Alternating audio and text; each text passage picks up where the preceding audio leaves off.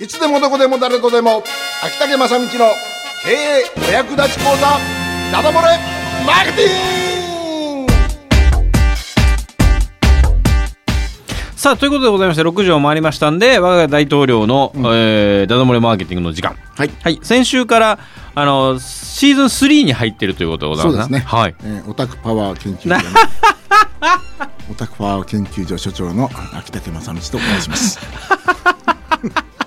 そうかそれを、えー誰だっけ？えっ、と先週ここにほら来てた、はい。あの三井さんとかクレ,、三井さん。はい。クレクレイスさんが言ってたんだ、はい。だって秋竹さんってオタクもう分からんとかってずっと言ってたのに、え 研究家になってましたよとか言ってましたけど。今所長でございますですねはい。主任研究員はホええ。ーリーということで、ええ。そっかそっかそっか。最強のあの最強のええ。ねえ。えなんか山口活性学園が、うん。えっ、と渋谷まで行くのみたいですねなんかね。はいほういやほうってほうってほう。っていやまあそれれもね、えーうん研究対象ということで、はいはいはい。なぜに渋谷かという、うんうんうん。あのーまあ、渋谷というところはですねあまあそういう話題じゃないですね、はい、オタクパワー研究所ということで、はい。えーこれからの街づくりはもう本当オタクパワーでゆるゆる街づくりというふうになりなっておりまして、うん OPM うん。えーこれ OPM 理論といいますか、えー OPM 戦略というか、うん。えーそういうふうにこれから言われるところでございますが今日2回目はですねえー前回はこのなんでオタクパワーなのかっていうことをですねまあオタクとは何ぞやってことで、えー特に昭和のオタク。うん。昭和時代のオタクっていうものを改めて検証したところでございましてこの昭和のオタクの気質、えー、肩着ですね、えーそれを生かすのがいいんじゃないかということで、えーまあ初めにということでお話しさせてもらいましたが今日はですねさあもう本論に入りますよ。うん。いきなり。ただ今日はですね何らノウハウとかってできません。が、えーもう一度ですね皆さんと今までの街づくりというものに対して、えーおさらいをしたいうん。ということでございます。さあ今までの街づくりはですねもうおかげさまでですね今までの世の中の歴史流れに沿ってですねもうすごいパワーを発揮した手法でもってつまり今までの常識とされてきた街づくりのやり方っていうのがあるんですね、それは見事に、えー時代にはまりまして今非常に住みやすい街になっているということでございますがその中で、えー私各地でこう今講演をさせてもらってますが、ええ。ー商工会とかですね。そこの商工会の方々がもうつつくづくこう言われるのがですねえーっと街づくりの新しいリーダー若者のリーダーがいないと。えうんもうどこの街でもそういうふうに言われますね。うんえーということはつまりは今までの街づくりは非常に良かったんだけれども今ここに来てその少し歯車がずれてきたんではないかという気がするわけうです。それを改めて検証いたしますとさあ今までの街づくりとはどういうものだったのかと言いますと、えーまずですね街づくりをするにはその頭になる人とか有力な人物がですね絡んでなきゃダメなんだと。うんうんまあ多分今でも言われると思うんですよ。何かやろうと思えばね、まあうん。誰がやるんかっていうことで、あ町の誰々入れたらいいんやないのかうんと、うん、いうことで、あの人が入れば箔がつくみたいな。感じで言われると思うんですけども、うん。まあそういうのは、えー箔付けだったりですね、うん。をつけた方がいいよっていう常識がまだあったりするわけです。何かの団体を作るならば、そうね。まあね。誰がいればいいと。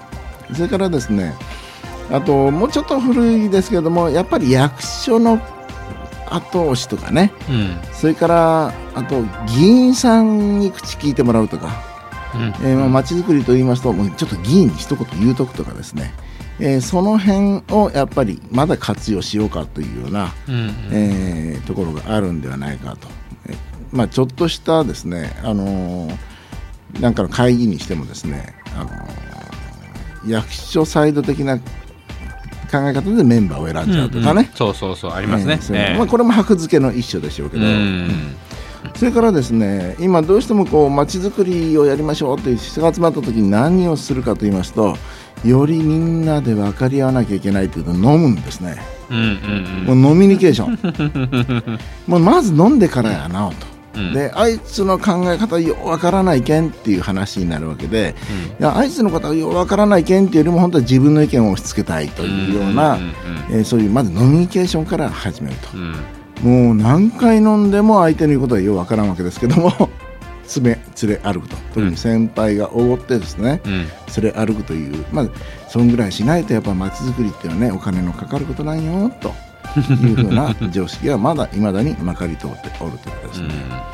それからあとですね、あのーこれ街づくりっていうのはやっぱり地元のリーダーが引っ張ると。うんいうことが大切であると言われてもちろんこれそうなんですがそれに越したことはないんでしょうが、うんまあ、地元のリーダーが引っ張る、ね、地元からリーダー埋めという話でえ誰かいいやつおらんか誰かいいやつおらんかとうんいう話になってきておりましてあとまあ街づくりっていうのはやっぱボランティアだからねうんということで、えーボランティア当たり前みたいな世界があるわけですね。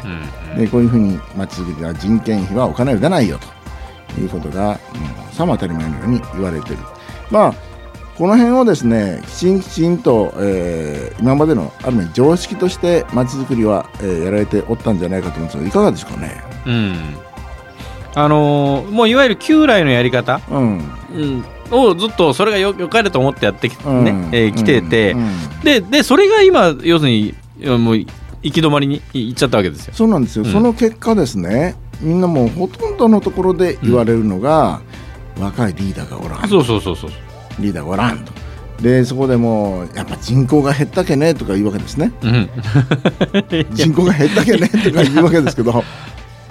で、えーこれらの常識がですね本当に街づくりを、えー停滞化させているうん。阻害させているっていうのはあるわけでして、うん。でこれを実は今回のこのシリーズの中では、いかに打破しうん。あるいはえ打破って言ったらね敵ごとありますけどそういう意味で新しく、えー新しい方法論でやっていくかということを、このコーナーではお伝えしていきたいというところなんですね。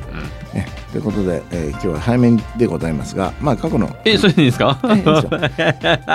まあ、来週をまたうんちょっとお楽しみにっていうことで来週はちょっと目こ目から鱗をね、うんうん。えー、78枚、えー、剥いでもらおうかなとうんうん。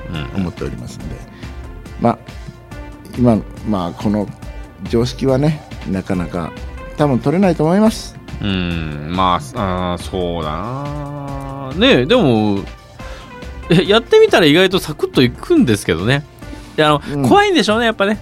あの そうですね、うん、えーやってみれば非常にサクッというので実はこれにはテクニックが必要だということはうん。あー大いにあると思いますのでね、うん。そのあたりなんとこれ12回13回シリーズですのであと11回続きますので、えー今日はこのあたりでということで秋竹正道のダダボネマーケティングでした。はい